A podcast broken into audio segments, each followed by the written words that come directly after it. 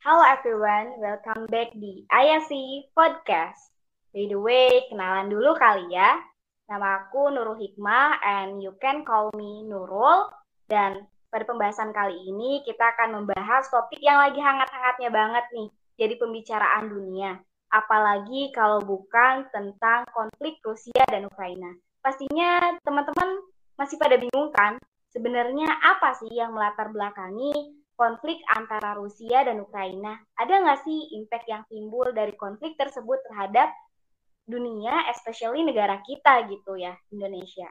Nah, pertanyaan-pertanyaan tersebut akan kita bahas pada pembicaraan kita kali ini yang bertemakan Rusia, Ukraina, Invasion and Massive Exodus. Dan tentunya kita sudah mendatangkan pembicara yang luar biasa, yaitu Kak Muhammad Iksan Fadilah.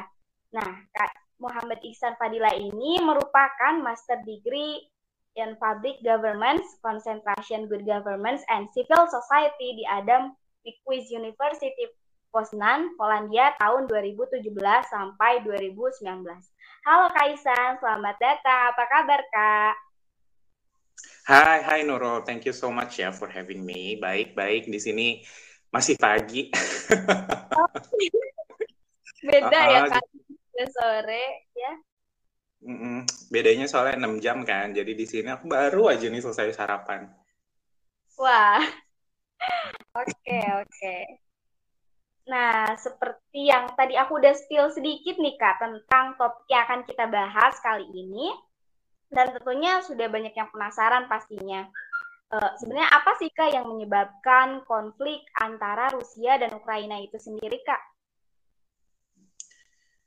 Um, sebenarnya kalau misalnya kita ngomongin soal international politics terutama ya, um, we have to see everything from two sides kan. Jadi aku berusaha untuk memberikan konteks dari kedua belah pihak, terus nanti kita bisa mencoba untuk menarik garis maksudnya di tengah-tengahnya ya. Karena kan there's your truth there's my truth and there's the truth you know? So it's like we need to see everything in a very contextual way.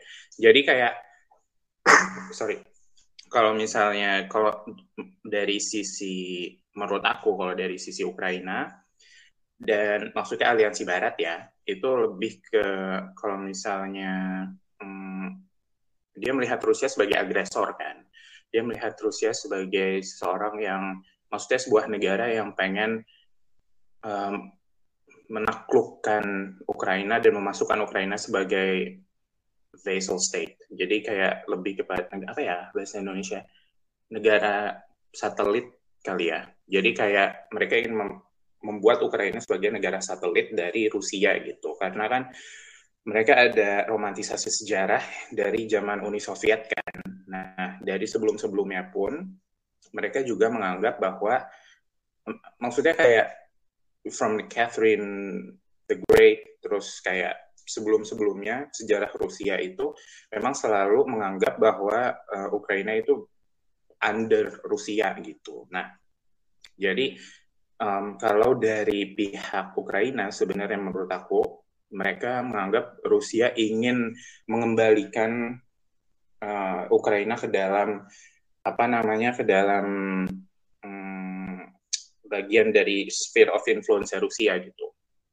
Nah, tapi kalau dari sisi Rusia menurut aku um, lebih nggak sehistoris itu sih karena menurut aku kan si Ukraina ini sudah menjadi maksudnya kalau misalnya kita lihat dari hmm, faktualnya aja ya beberapa hal yang melatar belakangi uh, maksudnya beberapa hal yang jadi presiden dari uh, invasi ini gitu.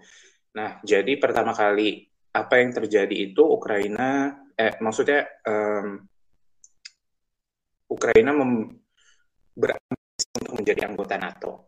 Sementara NATO itu kan apa namanya produk perang dingin ya, produk perang dingin aliansi militer gitu.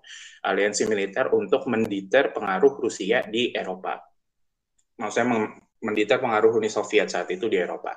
Tapi saat ini karena Rusia sebagai um, this rightful dissident, let's say, jadi Rusia uh, itu kita bisa sama sama maksudnya sama dengan kan dengan um, dengan uh, Uni Soviet. Nah, jadi ketika si Rusia, maksudnya ketika Ukraina berambisi untuk menjadi anggota NATO, berarti kan berarti maksudnya kayak sekarang karena sekarang kan anggota-anggota NATO itu nggak ada yang secara langsung ber um, border punya share border sama Rusia kecuali negara-negara Baltik. Tapi negara-negara Baltik itu kan negara-negara yang relatif kecil. Sementara kalau Ukraina itu kan negara yang sangat besar. Maksudnya secara landmass dia terbesar di Eropa. Setelah Rusia ya maksudnya tapi kan Rusia let's say Rusia is another you know is another being gitu karena dia Eurasia gitu kan nah jadi ada ada Ukraina yang yang sebesar itu dan yang menjadi gate lah ke negara-negara barat gitu. Jadi dia nggak pengen nih negara Ukraina menjadi negara yang hostile gitu kan. Itu satu. Terus yang kedua sebenarnya uh, Rusia sudah um, memberikan maksudnya kayak setelah jatuhnya Uni Soviet sekitar tahun 90-an Rusia itu sudah meminta kepada NATO, mereka sudah punya tanda tangan bahwa NATO itu nggak bakal melakukan enlargement ke negara-negara di timur gitu, negara-negara di wilayah timur. Tapi NATO kan akhirnya enlarge ke Baltic States, ke Polandia, ke Romania, Bulgaria, dan kawan-kawan kan. Jadi kayak akhirnya uh, Rusia bilang, hmm, wah apa namanya NATO uh, kita kita udah tahan-tahan nih ketika NATO ngambil Polandia, ketika NATO ngambil Bulgaria, ngambil Romania. Nah, Ukraina maksudnya ta tahun 2008 kalau nggak salah, Ukraina dan Georgia itu diundang oleh NATO sebagai uh, potential candidate gitu. Nah, akhirnya di situlah Rusia uh, jadi garang gitu ya. Jadi ngerasa kayak ini kok kayak gini gitu ini nggak sesuai nih sama perjanjian yang kita udah lakuin gitu. Padahal waktu itu belum ada sih maksudnya belum ada penawaran kandidat itu gitu status kandidat itu. Nah makanya kan tahun 2008 Georgia hmm, diserang juga kan oleh Rusia. Ada perang apa namanya yang sekarang jadi frozen conflicts di Georgia itu. Nah makanya jadi akhirnya Rusia uh, apa namanya kalau misalnya kita lihat dari sisi Rusia sebenarnya Rusianya lebih merasa terancam karena kalau misalnya Ukraina sampai ada di bawah NATO berarti kan nanti hmm, tentara-tentara NATO bisa ditempatkan di Ukraina gitu. Nah itu kan berarti menjadi salah satu hal yang sangat mengancam terhadap apa ya terhadap keamanan nasionalnya Rusia gitu kan. Nah itu tadi dari pihak satu dan dari pihak yang lain. Kalau misalnya kita ngambil dari hmm, sisi objektif ya, kita berusaha untuk objektif walaupun it's really difficult to do that, but we will try to. Um, menurut aku gini sih, sebenarnya konflik ini adalah konflik yang um, yang sangat sulit untuk di uh, apa namanya kayak benang ruwet yang sulit untuk dilurusin gitu karena kedua negara maksudnya bukan kedua negara. Ini mm, indikatif dari uh, aliansi yang sangat besar gitu, superpower kan. Nah, jadi di satu sisi kita punya Rusia yang memang adalah negara terbesar di dunia gitu secara landmass dan uh, negara yang punya militer terkuat. Um, dan di sisi lain kita punya NATO gitu adalah negara yang ekonominya terkuat. Maksudnya salah satu negara yang maksudnya aliansi kelompok negara yang mempunyai ekonomi kuat di dunia. Terus juga militernya juga sangat kuat gitu kan. Hmm, sementara ada Ukraina nih di tengah-tengah yang cuma jadi apa namanya yang beraspir yang tadinya tuh dia jadi dari bekas dari negara yang dibawa under sphere of influence Rusia terus kemudian ditarik-tarik, bukan ditarik-tarik ya, kemudian sekarang berubah haluan menjadi ke NATO. Jadi ini sebenarnya pertarungan antara pengaruh kalau menurut aku sih. Oke. Berarti sebenarnya konflik ini tuh banyak sebabnya ya, kayak dari awal-awal ceritanya itu yang uh, Ukraina sebenarnya awalnya uh, bagian dari Rusia tapi akhirnya kayak ibaratnya jadi alat gak sih maksudnya bukan jadi alat sih kak apa ya buat uh, ya kayak tadi yang seperti kakak sebutkan gitu akhirnya jadi penyerangan pengaruh gitu antara Rusia sama NATO. Kira-kira kuat yang mana? Jadi uh, Rusia menganggap takutnya ancaman gitu ya kak uh, bergabungnya Ukraina ini terhadap NATO. Ya kak. Betul. Oke. Okay. uh, terus kak sebenarnya tadi kan kakak udah jelasin juga gitu uh, Ukraina bergabung dengan NATO. Sebenarnya apa sih kak? Uh, urgensinya Ukraina bergabung dengan NATO itu gitu kak terus gimana juga Eh, negara-negara uh, anggota NATO itu menyikapi konflik ini, Kak? Um, sebenarnya kalau dibilang urgensi sih sebenarnya um, gimana ya? Maksudnya kan ini tuh merupakan sebenarnya simbol kali ya bagi rakyat Ukraina, bagi negara Ukraina bahwa mereka sudah lepas dari pengaruh Rusia gitu terutama karena mereka kan berada di bawah Rusia selama berabad-abad sebenarnya. Kalau misalnya kita dilihat dari uh, apa namanya dari historis yang bukan cuma di bawah Uni Soviet, maksudnya Uni Soviet itu memang um, adalah histori yang paling recent ya. Tapi kalau misalnya kita lihat dari uh, histori yang semuanya, sebenarnya Ukraina sudah berada di bawah pengaruh Rusia berabad-abad. Secara kultural, secara kinship, mereka memang sangat dekat mereka kan menganggap bahwa we are brothers gitu, Rusia dan Ukraina. Makanya Ukraina ngerasa kayak kok brothers nyerang brothers yang lain gitu kan. Nah, um, tapi sebenarnya gitu sih kalau misalnya dilihat dari urgensinya. Terus juga sebenarnya kita kalau misalnya kita lihat dari soft power ya, soft power dari NATO itu sendiri, dia kan ada di bawah treaty-nya itu mereka menganggap bahwa negara yang bergabung dengan NATO harus merupakan negara demokrasi. Jadi salah satu teori di bawah NATO enlargement itu mereka mengatakan uh, para akademisi itu mengatakan bahwa oh ini salah satu democracy promotion. Jadi negara-negara yang bakalan bergabung dengan menjadi anggota NATO yang tadinya bukan anggota NATO dari awal ketika mereka sudah bergabung dengan NATO berarti NATO sudah memberikan atau sudah menunaikan um, uh, visinya dia yaitu mendemokratisasi negara tersebut. Sementara hmm, sayangnya yang kita lihat dari negara dari maksudnya dari dunia internasional gitu ya, uh, kita melihat bahwa Rusia ini kan lebih kepada negara yang um, otoritarian gitu kan, negara yang lebih fokusnya ke uh, power gitu. Nah, jadi untuk memberikan apa ya hmm, sebenarnya untuk memberikan uh, statement, political statement ke dunia bahwa gue ini udah bukan negara otoritarian lagi loh, tapi gue tuh udah menjadi negara demokrasi, makanya Ukraina itu ingin bergabung ke NATO.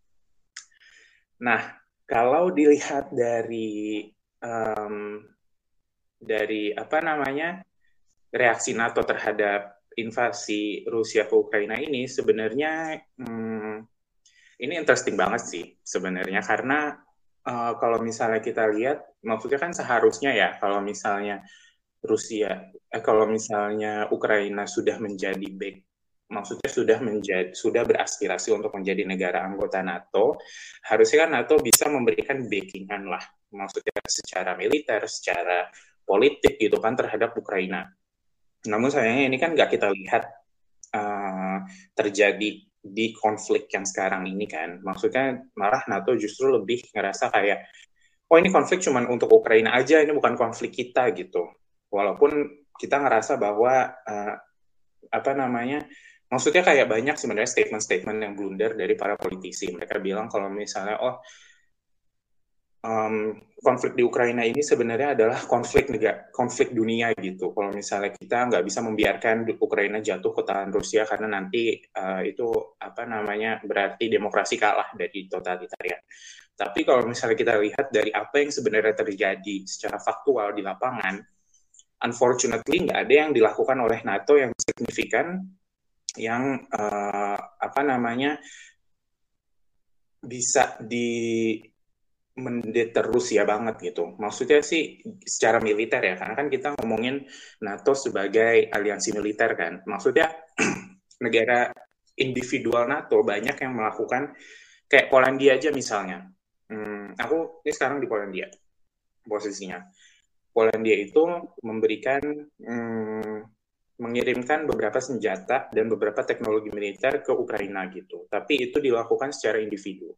Itu tidak dilakukan secara NATO sebagai aliansi gitu. Nah, apa uh, NATO itu justru kalau kita lihat dari retorika-retorika para petinggi-petinggi NATO, itu mereka lebih kepada kita harus um, kita harus melindungi negara-negara anggota NATO saja. Jadi yang mereka lakukan adalah mereka mengirimkan uh, tentara-tentara, maksudnya kan banyak tentara-tentara yang ada di Eastern Flank, yang ada di wilayah timur NATO itu, yang sudah ditempatkan secara permanen di sini gitu kan, di, di, di wilayah timur Polandia, Romania, Bulgaria, negara Baltik. Tapi hmm, sekarang akhirnya negara-negara, eh, maksudnya sekarang akhirnya ditambah pasukan-pasukan itu. Tadinya tuh ada Eh, beberapa puluh ribu, sekarang ditambah di sekitar lima atau enam ribu, dan ditaruh di negara-negara um, timur, wilayah timur dan tenggara. Um, aku belum lihat lagi sih mereka akhirnya ditempatkannya di mana, karena banyak banget negara-negara kan maksudnya negara-negara yang menjadi kandidat untuk ditempatkannya uh, tambahan pasukan tambahan NATO tapi um, pada akhirnya kan mungkin ini lebih kepada keputusan strategis para komandan-komandan NATO ya mereka ingin menempatkannya di mana yang mereka anggap bahwa ancaman terbesarnya ada di mana gitu. Jadi lebih ke arah situ sih, lebih ke arah me memberikan perlindungan kepada anggota-anggota NATO. Sayangnya karena Ukraina bukan anggota NATO, tidak ada yang dilakukan oleh uh, NATO terhadap uh, Ukraina gitu. Walaupun kalau misalnya kita lihat ada beberapa rencana yang ingin dilakukan oleh NATO seperti memberikan fighter jets atau apa presiden Ukraina ingin melakukan no fly zone ke apa namanya ingin NATO apa namanya mengerahkan no fly zone gitu tapi apa eh, yang di, kalau misalnya kita lihat dari statement presiden Amerika presiden Amerika bilang gini nggak mungkin lah kita apa namanya pasukan kita langsung in direct confrontation with uh, Russian army gitu. Karena kalau misalnya itu terjadi, berarti nanti pasukan superpower akan berhadapan dengan pasukan superpower dan itu pasti akan terjadi perang dunia. Ya. Kalau katanya Presiden Amerika Serikat kayak gitu. Um, tapi banyak juga yang bilang kalau misalnya ini cuman maksudnya kayak uh, Rusia itu nggak bakal berhenti di Ukraina aja ketika Ukraina sudah jatuh nanti berarti negara-negara lain pun akan diserang oleh Rusia. Ini kan sebenarnya yang jadi presiden dari World War II itu kayak gitu. Perang Dunia Kedua kan pertama kali negara yang diserang oleh Jerman adalah negara Polandia. Terus akhirnya Jerman menyerang ke negara-negara Eropa lain gitu. It, sementara negara-negara sekutu itu tidak melakukan banyak melakukan uh, apa pun gitu, hanya kecaman-kecaman dan hujatan-hujatan gitu, yang secara militer tidak berarti apa-apa ya, biarpun secara diplomatik itu sangat signifikan gitu sih. Oke, berarti um, tadi NATO tidak terlalu banyak membantu begitu ya kak ya, meskipun sebenarnya ya dia ada andil gitu ibaratnya kalau bisa dilihat dari sisi lainnya gitu uh, yang memantik gitu ibaratnya akhirnya Rusia melakukan penyerangan terhadap uh, apa Ukraina gitu. Nah terus aku yes. juga pernah baca kak kalau misalkan uh, Ukraina itu bergabung sama Uni Eropa gitu kak. Itu apakah itu betul dan uh, sebenarnya keuntungan apa sih kak kalau uh, Ukraina bergabung sama Uni Eropa itu? Um, iya betul banget. Jadi uh, sebenarnya um, Ukraina ini bahkan bukan merupakan negara kandidat untuk menjadi anggota Uni Eropa ya maksudnya, tapi ada memang Association Agreement namanya. Nah itu tuh um, apa namanya mungkin kalau misalnya kita bisa di, di, di in simple terms itu berarti adalah negara sebelum yang menjadi status kandidat tapi akan menjadi status kandidat gitu. Nah, um, kalau misalnya kita lihat dari signifikansinya apa sih sebenarnya negara Ukraina menjadi anggota Uni Eropa?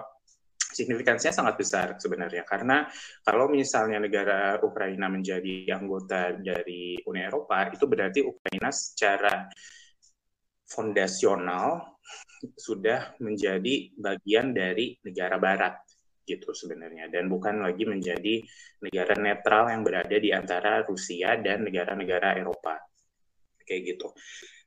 Um, Nah, sebenarnya ini yang pengen di, maksudnya ketika beberapa hari lalu perang baru berjalan beberapa hari, Presiden Ukraina itu kan bilang kalau misalnya kita pengen jadi negara Uni Eropa dan mohon dipercepat karena memang untuk menjadi negara Uni Eropa itu statusnya nggak gampang gitu, banyak hal yang harus dilakukan karena Uni Eropa kan sebenarnya hmm, adalah organisasi kerjasama internasional yang bergerak di bidang ekonomi.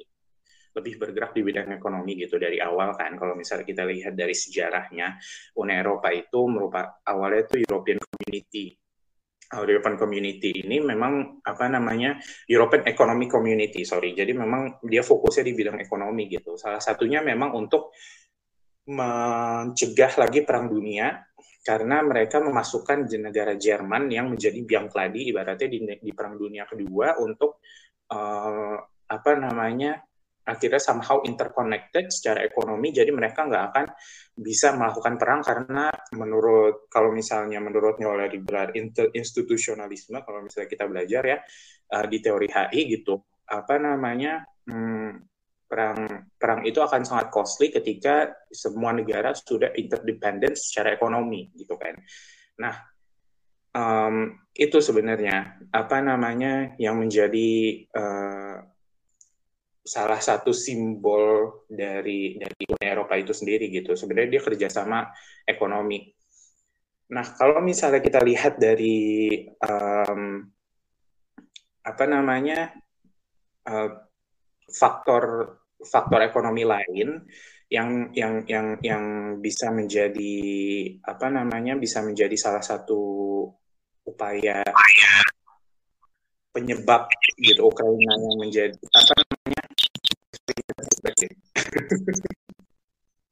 kita uh, Rusia itu memang power minded banget. Jadi Rusia itu memang nggak terlalu apa namanya nggak terlalu nganggap uh, kerjasama ekonomi itu penting gitu. Tapi lebih ngerasa kayak kalau misalnya security kita ini lebih penting. Jadi uh, kalau misalnya dari sisi Rusia sih, menurut aku lebih urgensi kalau misalnya NATO, eh, Ukraina menjadi bagian dari NATO dibanding Ukraina menjadi bagian dari Uni Eropa. Tapi secara politik, secara simbol, secara apa namanya, secara political statement gitu ya, sebenarnya Ukraina menjadi bagian dari Eropa itu adalah stepping stone untuk Ukraina menjadi bagian fully dari um, dari NATO, dari ya dari NATO dan dari aliansi Barat dan Security Alliance-nya gitu. Oke, Aduh, sangat kompleks juga ya kak. Aku yang aku yang aku banyak uh, banget insight yang aku dapat sih hari ini dari uh, berarti yang sebenarnya paling berpengaruh gitu kalau dari sisi Rusia gitu ya dengan bergabungnya uh, Ukraina terhadap NATO ya kak daripada Ukraina bergabung ke Uni Eropa gitu. Nah, mm-hmm. uh, dari konflik uh, Rusia dan Ukraina itu sendiri kan pastinya menimbulkan dampak ya kayak ya. bukan hanya di dua negara itu, tapi juga negara sekitar. Nah, menurut kakak apa sih dampak yang terjadi gitu bagi negara di sekitar Ukraina dan Rusia itu? Um, sebenarnya besar banget sih, karena Rusia itu pengekspor um, natural gas terbesar di Eropa terutama. Uh, jadi negara-negara Eropa itu sebenarnya going to be in a very difficult times, especially in terms of energy crisis gitu.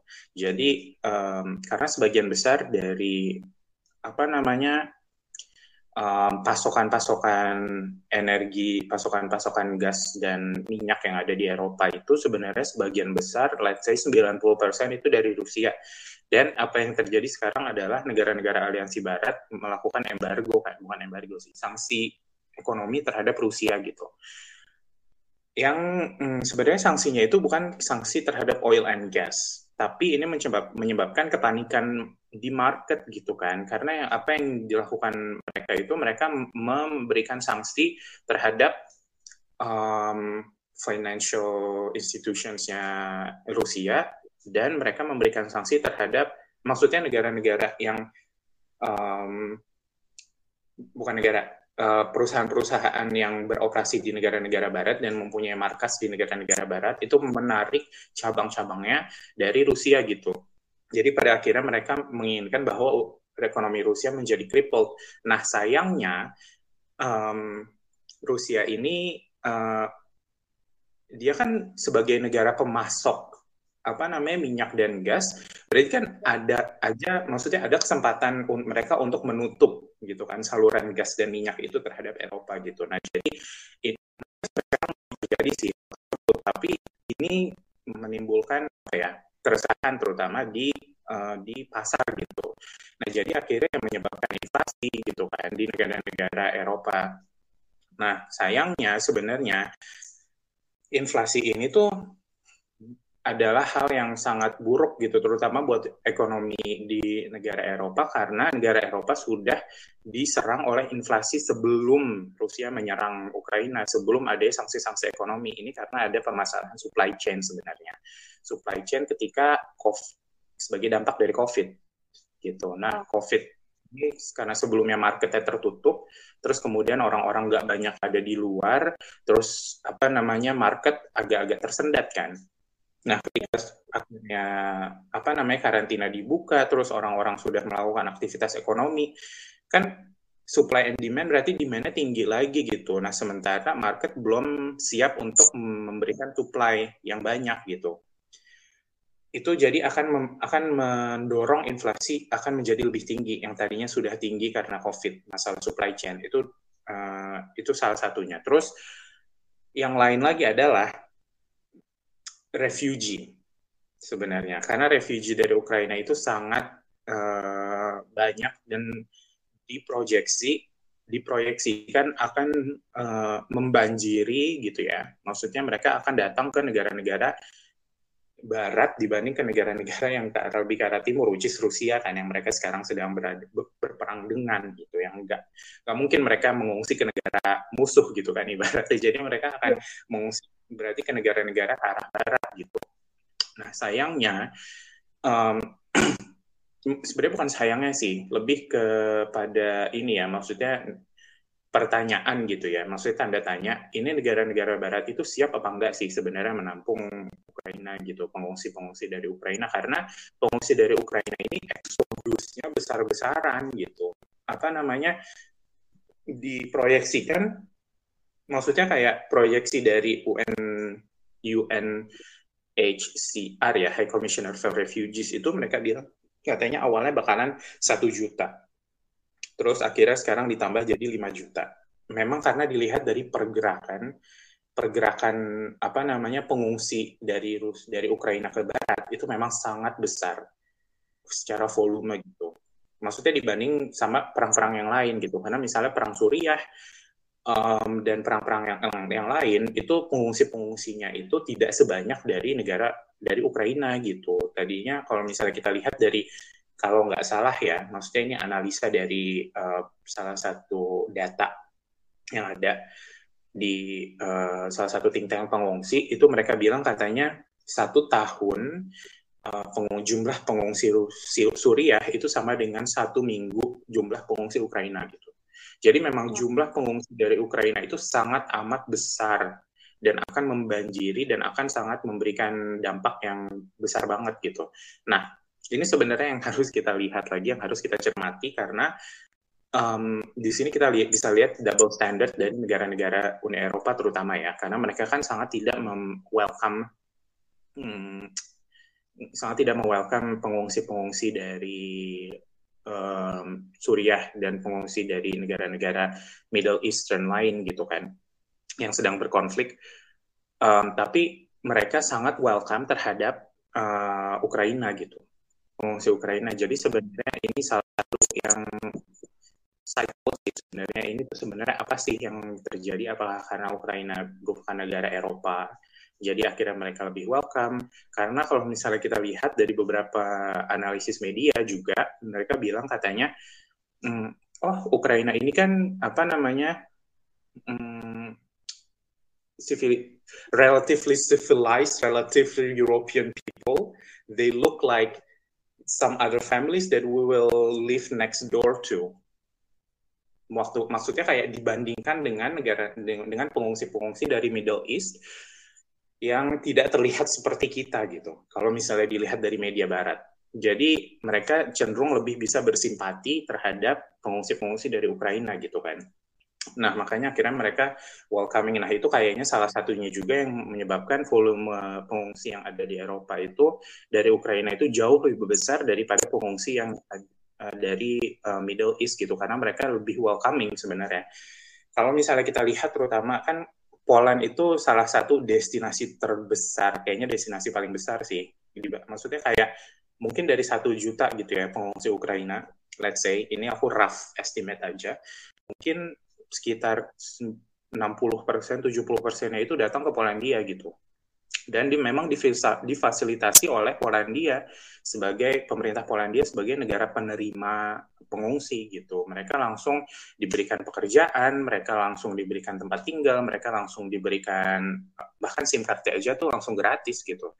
Sementara kalau kita lihat dari um, effort mereka untuk menampung refugees dari Middle East itu oh kalian lihat kan ada beberapa apa namanya video-video viral mereka apa namanya misalnya Italia nggak mau menerima refugees dari Afrika gitu kan yang mereka langsung disuruh untuk balik kapalnya dan segala macam gitu.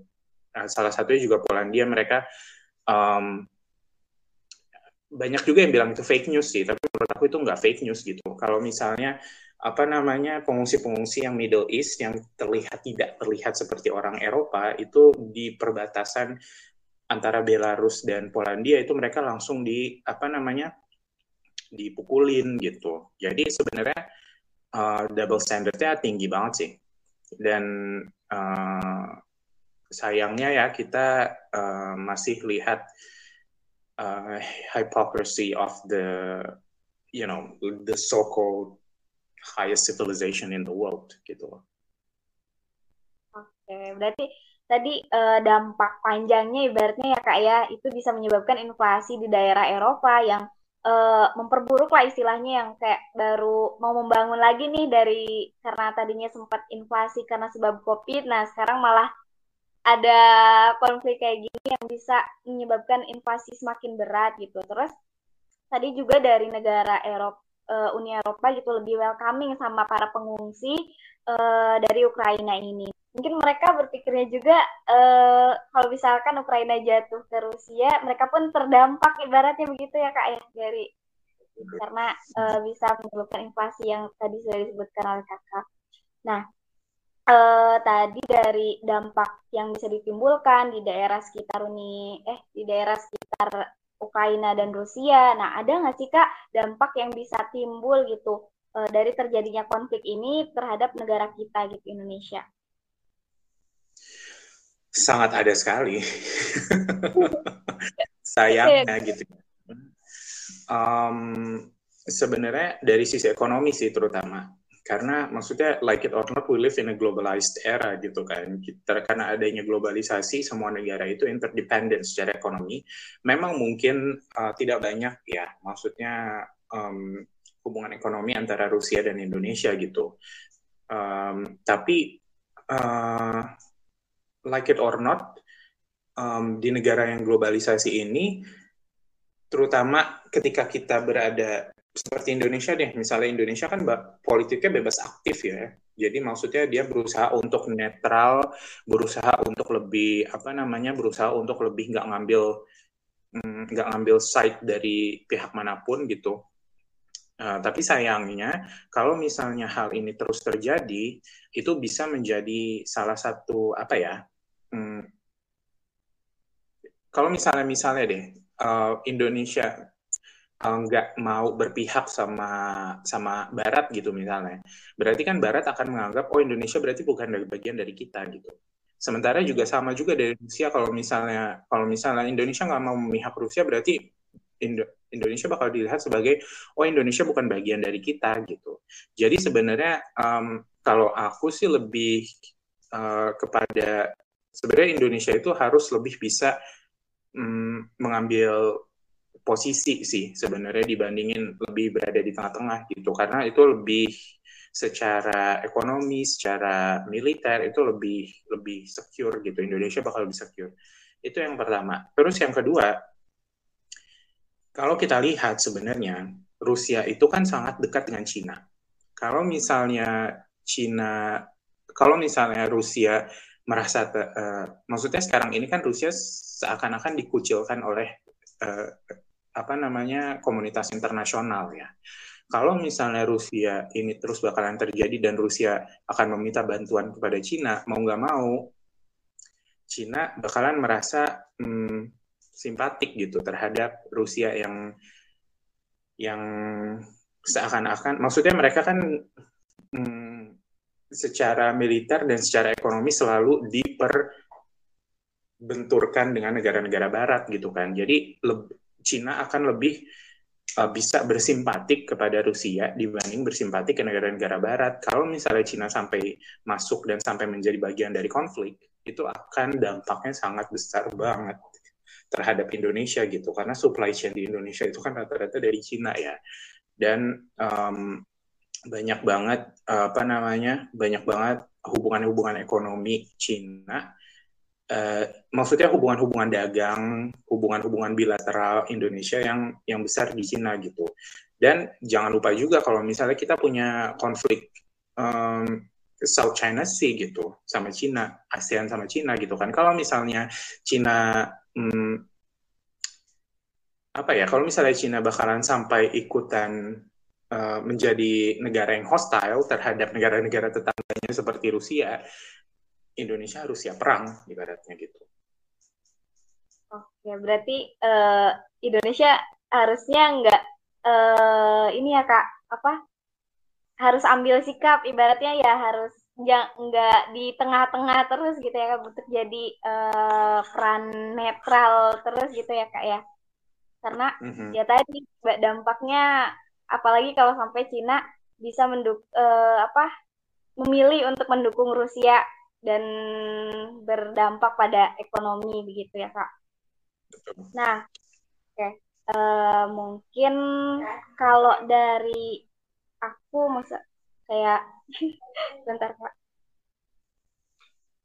oke uh, udah banyak banget sih kak insight yang aku dapat dari kakak dari awal bagaimana konflik Rusia dan Ukraina itu terjadi, bagaimana dampaknya dan uh, di sekitarnya ataupun bagi Indonesia gitu. Nah mungkin ada nggak sih kak yang mau kakak sampaikan tentang topik ini ataupun uh, kayak closing statement gitu kak yang mau disampaikan ke teman-teman para pendengar ini kak?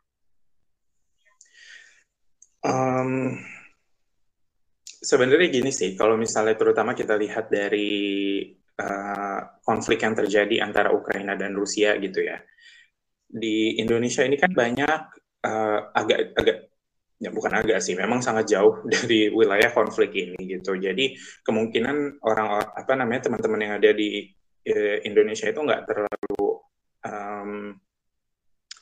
nggak terlalu ngerasa terbebani lah ya dengan konflik ini gitu. Karena mereka nggak pun tahu relevansinya apa. Tapi um, sebenarnya ini konflik yang sangat signifikan gitu. Karena ini adalah konflik pertama di mana uh, negara Eropa menyerang negara Eropa lain sejak Perang Dunia Kedua gitu dan kita tahu kan, maksudnya Perang Dunia Satu, Perang Dunia Kedua itu dimulainya dari Eropa.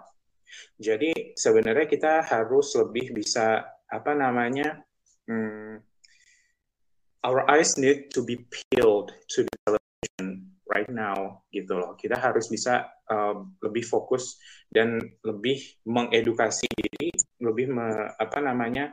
Untuk kakak sendiri nih, ada nggak sih kak yang mau disampaikan kepada para pendengar ataupun closing statement dari kakak terkait topik ini? Gitu, Oke, okay.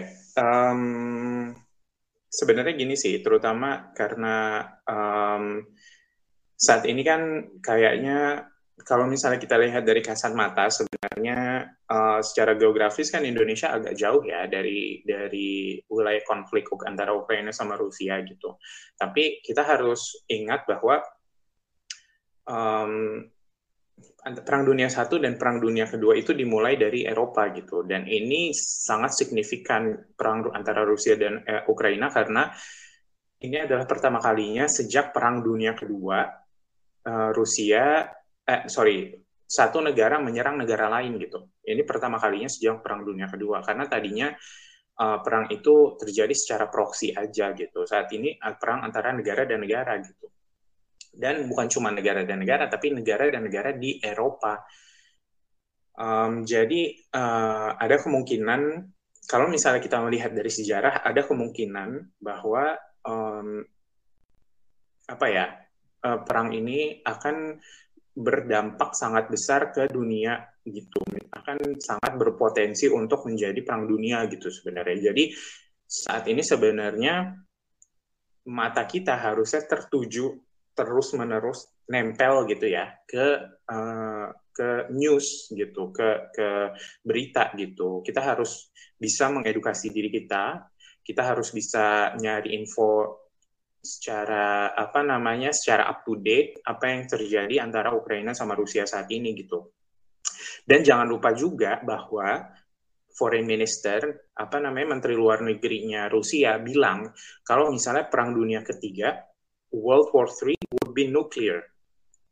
Unfortunately this is this will be the end of the world gitu kan. Terutama jadi uh, maksudnya jadi kita sebagai orang yang bukan decision maker gitu ya, unfortunately, apa yang bisa kita lakukan adalah kita harus tetap bisa waspada apa yang akan terjadi di uh, Ukraina dan uh, Rusia gitu, dan apakah mereka akan spill over konfliknya ke uh, negara-negara Eropa lain dan spill over ke negara ke benua-benua lain gitu sih. Oke, okay, get the point sih aku kak. Jadi uh, kita itu harus lebih melek gitu ya kak ya dengan berita terkini meskipun ibaratnya secara teritorial uh, jauh gitu kan jaraknya sama Indonesia tapi dampaknya itu ada dan bahkan besar begitu. Mm-hmm. Seperti itu kak ya. Oke, okay. uh, eh, anyway banyak banget uh, pemahaman, pandangan baru yang aku dapat dan mungkin para pendengar juga dapat dari pembicaraan kita kali ini. And thank you so much Kak Iksan for attending our podcast dan uh, sudah mau sharing pemahaman tentang uh, topik kita pada kali ini. Dan thank you juga buat para pendengar yang sudah mendengarkan sampai akhir dan banyak insight yang kita dapat terkait konflik Rusia dan Ukraina ini, Ukraina ini, and hopefully bisa menambah wawasan dan bermanfaat buat kita semua. Pastinya kita bakalan ada episode-episode selanjutnya, so stay tune. Dan jangan lupa